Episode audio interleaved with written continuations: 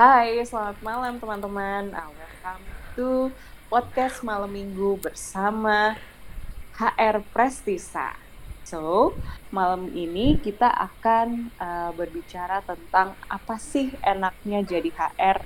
Tuh. Nah, kali ini aku akan ditemani oleh teman-teman HR Prestisa. Yang pertama ada Ivan. Halo. Halo Ivan. Halo, halo, halo Mbak. Hai. Terus yang kedua ada juga aku Caca. Halo, selamat malam. Malam. Nah, jadi untuk podcast ini kita niatnya adalah kita akan sharing-sharing tentang dunia HR. Jadi uh, teman-teman bisa juga uh, mendengarkan tips bagaimana sih CV yang baik, terus gimana tips wawancara, gitu. tips seleksi kerja, gimana sih kalau memimpin perusahaan yang isinya tuh anak milenial, terus perannya kayak gitu. Hmm. Di episode perdana ini kita akan membahas tentang si enaknya jadi HR. Iya. Boleh dong ditanggepin guys, tepuk tangan kayak atau Hehehe. Mbak, Mbak, Hebat, hebat. suaranya agak hilang-hilangan Mbak. suara. Iya deh, suara Mbak Ah. Dinda hilang-hilangan. Di aku juga. Oh, Untung suara aja ya, bukan keberuntungan. Aduh.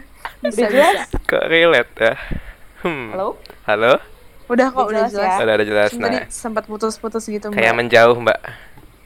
Mm-mm. Sip. Nah, kali ini eh, kita akan membahas nih Ivan sama Caca serunya Apa tuh? Apa jadi tuh? seorang HR.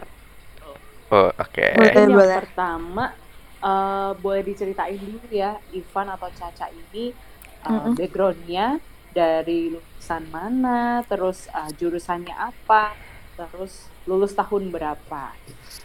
Oke, boleh, boleh. Mas Ivan duluan? Boleh? Aku duluan. Oke. Iya. Eh, halo guys. Halo eh, nama gue Ivan, gue lulusan dari Universitas Tarumanegara tahun 2020 eh, dari Fakultas Psikologi. Eh, untuk pengalaman kerja saat ini sih lagi kerja di eh, perusahaan startup nih, perusahaan yang baru pertama kali gue eh, terjun langsung adalah perusahaan langsung perusahaan startup. Nah, eh tahun lulus 2020 berarti sekitar udah satu tahun hampir dua tahun gue udah kerja di perusahaan startup ini sebagai HR gitu. Boleh Caca? Kalau Caca dari mana? Oke, kalau aku, eh, aku lulusan dari psikologi Universitas Gajah Mada, sama kayak Mas Ivan ya. Aku juga baru lulus tahun 2020 kemarin, cuman eh, terus aku em, pengalaman kerja tuh sebelumnya sebenarnya udah ada nih jadi HR. Jadi sebelum eh, di startup company di Fresisa ini, aku juga udah pernah eh, sebulan jadi intern di eh, Pertamina Energi dan itu aku jadi recruitment juga cuman pada saat itu juga kayak nggak ada rencana sih sebenarnya dari apa sih kayak mindset aku tuh awalnya tuh nggak pernah untuk terjun ke bidang HR gitu. Jadi uh, sebagai psikologi tuh aku lebih uh, cenderung ke klinis tadinya. Cuman abis itu setelah lihat-lihat kok pengalaman aku banyaknya malah di uh, HR gitu di organisasi di PIO terus akhirnya juga dari situ aku uh, coba daftar ke internship di Prestisa di startup company ini dan akhirnya malah kayak cocok dan enjoy enjoy aja juga sih jadi HR jadi kayak mungkin aku cocok juga jadi HR gitu. Jadi uh, yang klinis klinis saya itu jadi mulai pudar pudar gimana gitu. Itu sih mbak kurang lebih Oke. ceritaku kalau dari Mbak Nina sendiri boleh nggak sih Mbak ceritain? Eh, latar Iya dong, belakang boleh dong. Ah, kan kita kan tadi udah ceritain ya, ini kayak kita tuh udah punya common gitu bahwa kita tuh fresh graduate gitu. Ini kalau dari Mbak Ninda sendiri eh, boleh ceritain nggak sih Mbak pengalaman-pengalaman atau enggak latar belakangnya dari mana gitu Oke, Boleh, kalau aku sendiri sebenarnya fa- eh, lulusannya Fakultas Psikologi juga di salah satu universitas negeri di Jogja. Sebenarnya kakak tingkatnya Caca sih jatuhnya, cuma kita alias ya selisih lima tahun kali ya, Cak? iya dua tahun deh kayaknya udah nggak sempat ketemu lah di kampus Iya. Nah, terus em, backgroundnya sendiri sebetulnya pas kuliah sih memang udah ambil psikologi industri dan organisasi gitu.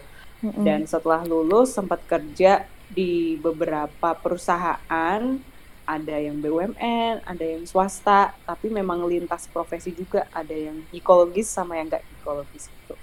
Nah, terus Mm-mm. terdamparlah ke sebuah startup dan bertemu dengan Ivan dan Caca ini. Yuhu. Oh, oke, welcome to the jungle. Iya. Akhirnya di sini ya kita. Mm-mm. Oke, eh, guys boleh ceritain nggak sih gimana em, pengalaman kalian sampai akhirnya tuh terjun ke dunia HR? Kayak tadi kan Caca mungkin bilang sebenarnya di awal itu lebih minatnya adalah di klinis gitu. Sampai akhirnya kenapa di HR karena melihat backgroundnya, background yang selama ini Caca lakuin ternyata lebih banyak di eh, industri organisasi gitu ya, Cak. Iya betul. Nah, Ah. kalau kalau si Ivan sendiri nih mungkin bisa Hmm. diceritain Ivan Apa sebenarnya kuliah kamu itu uh, ambil mayornya apa terus sampai sekarang akhirnya oh, oke lah aku sudah menerima takdirku sebagai seorang Oke. Van. Sebenarnya eh, di kampus aku di waktu di Untar itu eh, mungkin agak beda ya kali ya kalau di UGM atau di atau di kampus lain. Jadi kita di saat waktu itu aku di sana itu nggak ada penjurusan mayor atau minor gitu. Jadi eh, dari semua bidang yang ada di psikologi, pendidikan, klinis sama pio itu semuanya aku pelajarin gitu. Jadi nggak ada yang pas semester berapa itu difokusin gitu. Nanti belajar atau itu dijurusin nanti pilih pendidikan atau enggak klinis atau enggak pio. Tapi waktu itu pas waktu itu pas dapet satu mata kuliah mengenai pio itu udah kayak tertarik banget gitu. Wah ini asik nih apa namanya untuk dipelajari lebih lanjut gitu. Dan ditambah juga latar belakang keluarga itu keluarga semuanya HR mbak. Gitu. Jadinya kayak kalaupun ketemu dengan saudara-saudara gitu lagi ngumpul gitu obrolannya tuh selalu mengenai HR gitu. Jadi nggak secara nggak langsung kayak udah terpapar gitu. Nggak langsung tuh udah kayak mindset di pikiran aku kayaknya menarik deh untuk pelajarin eh di bagian Pio gitu. Akhirnya itu terus berlanjut sampai eh, pas waktu pemilihan magang. Jadi waktu itu magang juga dikasih kebebasan gitu. Mau magang di mana gitu. Mau magang di tempat dengan dengan situasi dengan apa ya setting pendidikan eh, klinis atau eh, pio gitu dan aku lebih condong ke pio gitu gitu sih mbak Oke. Nah, berarti eh, sekeluarga kebanyakan HR gitu ya. Hmm, sering banget dong benchmark gaji, Van. Uh, sering benchmark gaji, habis itu Iya se habis itu habis itu ngejulit-julit mengenai apa pun itu yang berkaitan dengan HR itu seru sih. Kayak kayak Overheard, overheard. ah, ah, kayak kayak eh lu, di kantor lu gimana? Eh, apa HR-nya gitu? Oh kok gue kayak gini nih kayak gitu gitu oh masa sih? Gitu. Kayak saling-saling sharing sih sebenarnya sih mbak jadinya.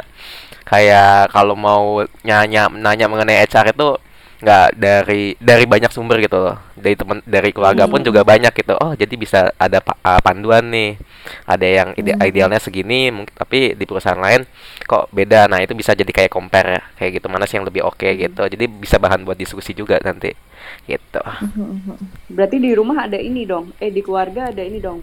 Kalau di perusahaan kan ada peraturan perusahaan. Mm, Nah, kalau di keluarga besar berarti ada peraturan keluarga besar dong. ada peraturan keluarga besar mengenai HR gitu mbak jadi itu ada, ada grupnya hampir ada grupnya loh mbak Jadi misalkan nih, lucunya nih, biasanya kayak oke, standar rekrutmen menjadi seorang calon mantu. Oh. Keluarga besar Ivan adalah nanti ada job desknya ada job ya requirementnya ya. iya nanti ada seleksinya gitu Psikotes dulu nanti kalau mau jadi mantu.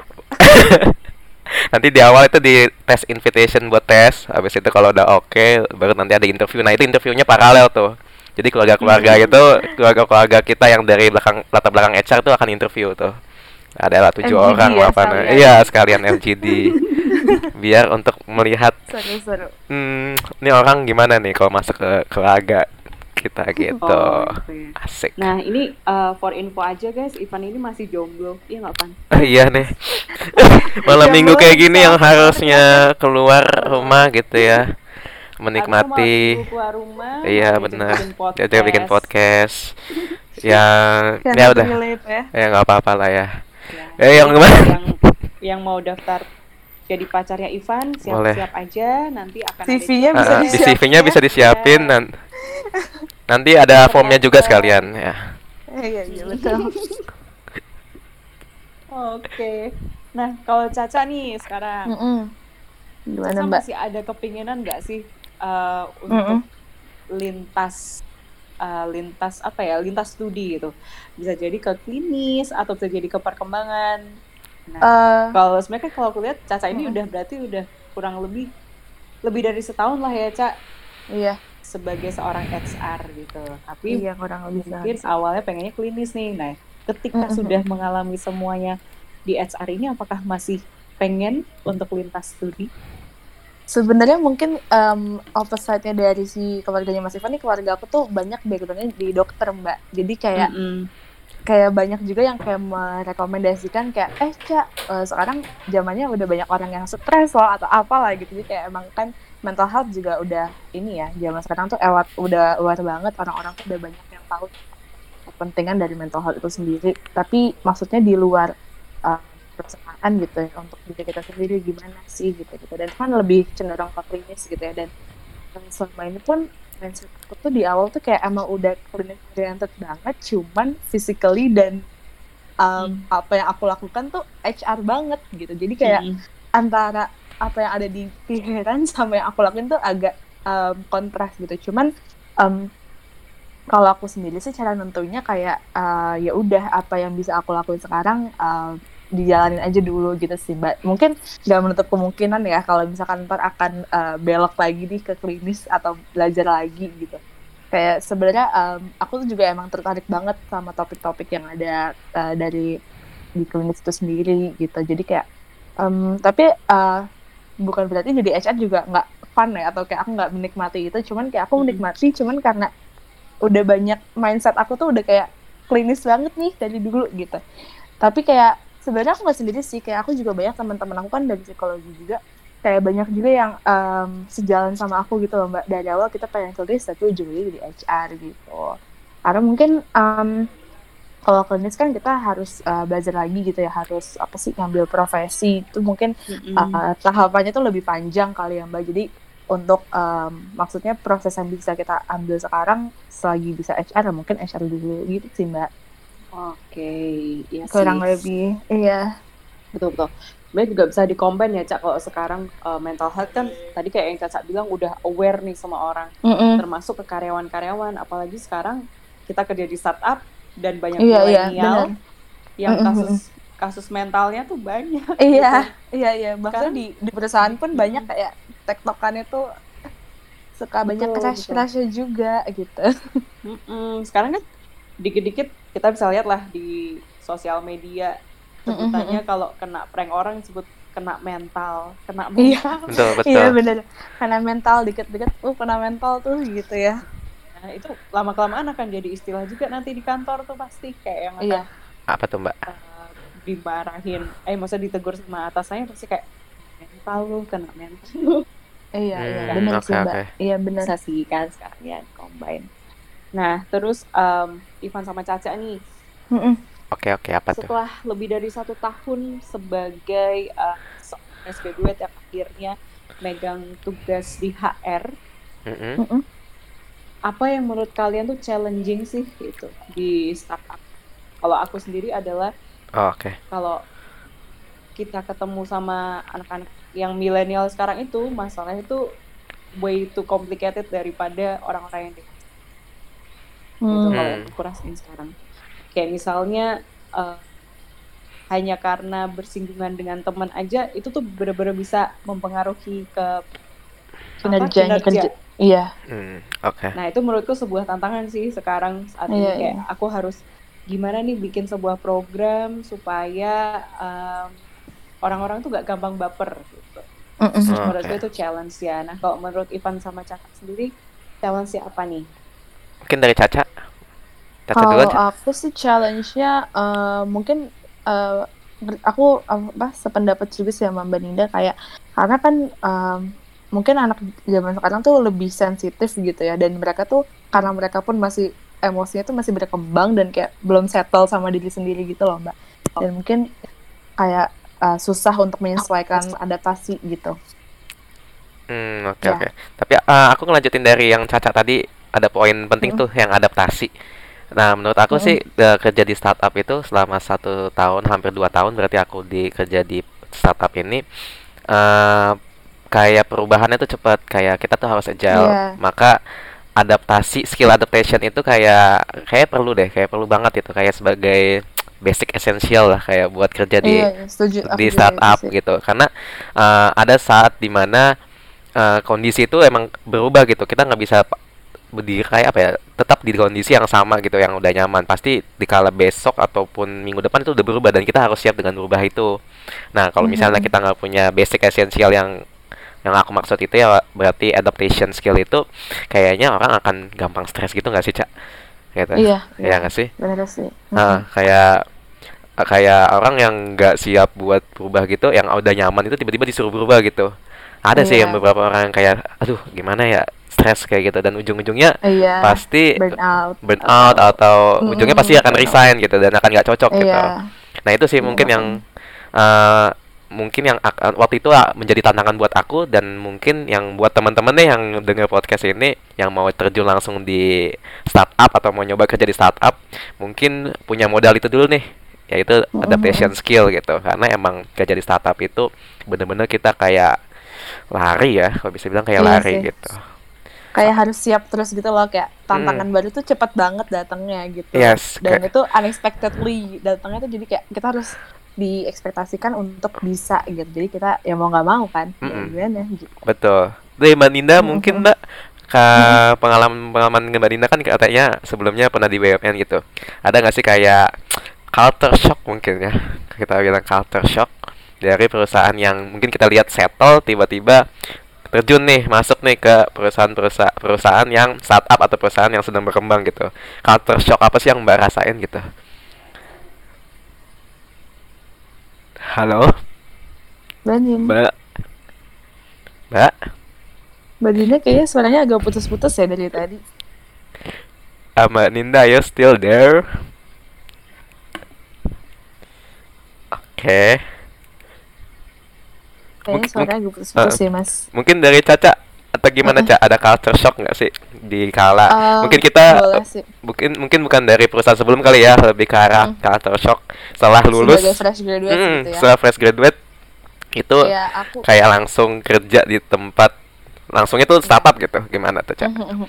Iya jadi emang setelah lulus kan aku langsung masuk banget nih ke startup itu aku kaget sih bahkan di first day aku pun kayak aku udah langsung eh, dapat job desk yang kayak lumayan mengejutkan kayak ah demi apa sih gue langsung dikasih kayak gini? Kayak maksudnya kayak mereka tuh memang eh, mempercayakan kita gitu. Kita tuh di- langsung dikasih kepercayaan dan itu tuh malah menjadi kadang menjadi beban untuk kita gitu ngerti nggak sih? Mas? Jadi kayak apa takut kan? Ada kalah Oke. ketakutan kita sebagai internship pertama kali yang baru mulai kerja langsung kita harus uh, mengerjakan suatu hal yang Iya, mungkin iya. itu big deal buat kita tapi ya kayak ayo coba dong lu harus kayak gini gini gini gitu. Iya bener sih. Kayak itu di fir- gimana? Bener sih kayak ekspektasi mungkin waktu pas fresh graduate lulus gitu internship oh oke berarti gue punya seorang mentor yang akan ngajarin Iya, gitu iya, ya. Iya, iya, aku juga mikirnya gitu kayak mungkin ayo udah di first day nih kita bakal belajar dulu lah di briefing dulu atau kayak ya memang sih mungkin kita di briefing uh, secara secara singkat aja gitu ya di briefing Hmm. memang secara singkat cuman abis itu kita nggak lama dari itu kita langsung kayak siang harinya pun langsung dikasih job desk kayak ini ya kayak ditunggu besok kayak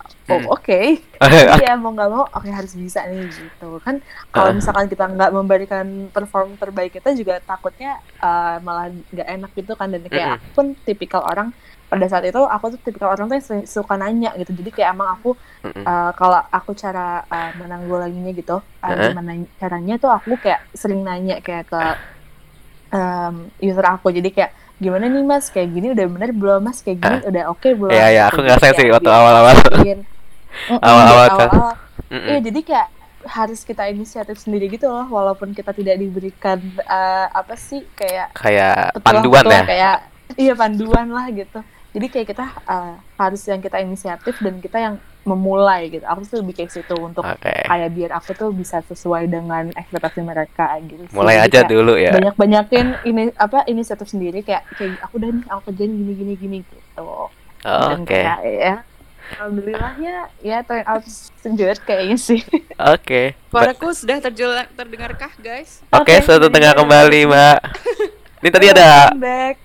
Kayak bermasalah dengan headset. Mohon maaf ya. Oke oke. Nanti kita bahas-bahas. hilang. Mm-mm, nanti kita tuh habis bahas-bahas Suara mengenai ini sih Mbak apa namanya hal apa ya pe- tadi kan kita bicara skill ya skill mengenai Penyesuaian penyesuaian ya. Nah kalau Mbak Hmm. Ninda nih kan Mbak Ninda kan sebelumnya mungkin pernah bekerja di suatu perusahaan yang settle gitu. Habis itu pindah di perusahaan yang lagi berkembang nih. company gitu Oh ya. iya kayak udah startup dari big company ke startup gitu. Ada nggak sih Mbak kalau mungkin kita bisa bilang culture shock kali ya kayak culture shock gitu. Ah, perubahan yang dirasain gitu dari settle company ke uh, startup gitu. Boleh cerita nggak sih Mbak? Em, boleh banget. Jadi sebenarnya yang aku benar-benar rasakan adalah ketika akhirnya di startup itu adalah otakku sangat dipakai. Oke. Berarti selama ini Oh, kayak iya. membeku ya Mbak ya di kalau di settle company kayak membeku gitu. Perlu dicairkan Bukan ya. sebenarnya- sebenarnya dipakai juga sih. Oh. Oke. Mm-mm. Eh, gini, eh, ketika kita ada di perusahaan yang sudah stabil, udah Mhm. punya sistem, itu kadang ada hal-hal yang membatasi kita untuk berkembang gitu. Oh, Oke. Ada Mhm. kita mungkin bisa ngutarain ide, tapi mereka punya apa ya eh, tembok-tembok yang nggak mungkin bisa kita tembus gitu. Oh, Oke. Mm-mm. Sementara ketika kita di startup ini kan kayak eh, oke Ivan, Caca, silahkan kamu mau ngide apa pun lakukan gitu. Dan Mm-mm. termasuk eh, di ownernya kita sendiri pun juga bilang kan bahwa kamu mau ngelakuin apa aja silahkan dan saya nggak akan memarahi kamu gitu. Hmm, Paling Oke. kita hanya kita hanya akan mengarahkan gitu. Nah Oke. itu sih sebenarnya yang eh, yang membuat sangat-sangat berbeda gitu. Jadi benar-benar otaknya dipakai. Gitu. Tuh guys, buat teman-teman yang mau nyoba startup, yang mau nyoba eksperimen, nah boleh nih. Join-join ke kita aja gitu. Iya, Siapa tahu ya benar. orang-orangnya suka tipe-tipe yang Wih, ini kayak coba-coba coba-coba gitu atau Iya. orang yang Iya benar. pengen show pengen show Mencari, hmm, menggali pengalaman. menggali pengalaman langsung Iya. in real gitu. Boleh aja kita langsung ke perusahaan startup. Ini presis ada loh gitu. Oke. Iya. Nah, guys, ini kayaknya waktu kita udah cukup karena kita sudah Oke. hampir 20 menit. Oh iya, benar. Sebelum berasa ya. Aku iya nggak berasa banget kalau kita cerita pengalaman emang. Nah, em, penutup untuk di episode pertama ini boleh nggak sih ceritain Caca sama Ivan em, Mm-mm. Hmm. Skill apa yang menurut kalian itu tadi kan mungkin udah dibahas ya ada Hmm. adaptasi, Mm-mm. ada yang eh, kemampuan untuk agile gitu. Mm-mm. Nah, Mm-mm. mungkin ada skill lain nggak yang bisa eh, membuat kita itu betah di startup gitu? Skill lain yang buat betah kita di startup ya. Mm-mm, Caca mungkin- skill atau apa pun gitu? Hmm, apa ya? Mungkin kayak sama kurang lebih sama sih ya Mbak yang kayak tadi udah kita apa yang udah tadi kita sebutin cuma kayak ya kalau menurut versi aku sih ya tadi itu kayak harus mudah beradaptasi harus uh, be- banyak inisiatif karena uh, di startup tuh Hmm. kita diminta untuk um, melakukan semua itu sendiri gitu dan kita kayak uh, nggak di nggak nggak selalu untuk dituntut mengerjakan ini itu cuma kita kayak harus bisa mencari apa sih hal-hal baru yang mungkin bisa uh, membantu si startup company kita ini untuk berkembang lebih cepat lagi atau apa sih prosesnya bisa uh, kayak inovasi-inovasi baru gitu lah mbak. Terus um, sama skillsnya apa ya? Hmm, itu sih paling dan kayak um, apa tuh kita juga harus bisa menetapkan diri kita sendiri supaya kita tuh punya mindset startup company yang Hmm. have fun ya. yang tapi kayak kita tuh bisa senang-senang cuman harus cepet juga gitu kerjanya jadi uh, antara kehidupan kerja sama ini tuh harus balance gitu lah Oke. Oke. gitu sih. Benar setuju juga sih Paling sama. itu sih Setuju sama yang tadi Caca dibilang. Paling uh, aku juga mau nambahin untuk skill ya, mungkin skill atau apa ya, modal ya, modal untuk biar bisa survive gitu kerja di startup. Uh, kalau menurut aku sih kayak punya mindset untuk growth gitu loh, untuk berkembang, untuk selalu berkembang sih. Apalagi Mm. karena apalagi suatu company yang basicnya itu uh, teknologi company gitu. Yang kalau tek kalau lihat- kita lihat tech company kan ke- berkembangnya cepat gitu. Pasti ada suatu ilmu-ilmu baru yang atau term-term baru lah yang mungkin muncul gitu di pekerjaan kita. Nah, sebagai kita langkah untuk catch up-nya itu ya kita harus belajar gitu loh, kayak harus meningkatkan skill yang kita miliki biar lebih baik lagi gitu entah itu baca suatu artikel atau ikut suatu training biar uh, kita juga bisa ngikutin nih growth dari suatu teknologi atau suatu tren yang lagi sekarang gitu apalagi mm -hmm. yang tadi aku bilang bahwa startup itu sering berubah nah kita harus catch up perubahan itu gitu dengan mm -hmm. memodalkan diri sendiri dengan skill ataupun uh, pengetahuan yang ada gitu paling oke okay. oke okay. Thank you Ivan dan Caca sharingnya malam ini ya di okay, episode mbak, pertama. Sama-sama. Episode pertama sama Mbak. Perdana Mantap, ya. perdana nih ya. Oh, disclaimer perdana. aja guys, ini ini pertama Ew. banget jadinya kayak kalau misalnya agak-agak gimana gitu ya mohon dimaklumi dan dimaafkan. Iya. Betul okay. betul. Semoga okay. bermanfaat buat kalian semua ya para pendengar podcast kita. Oke. Okay. Jangan lupa okay. stay tune untuk berikutnya. Oke, okay, kita akan pasti selalu always up to date untuk podcast-podcast selanjutnya iya. dengan topik-topik topik-topik menarik dan dan yang berkaitan dengan HR tentunya dan uh, perusahaan yeah. atau startup company lah. Stay tune okay. terus di podcast kita dan uh, terus dengerin podcast kita.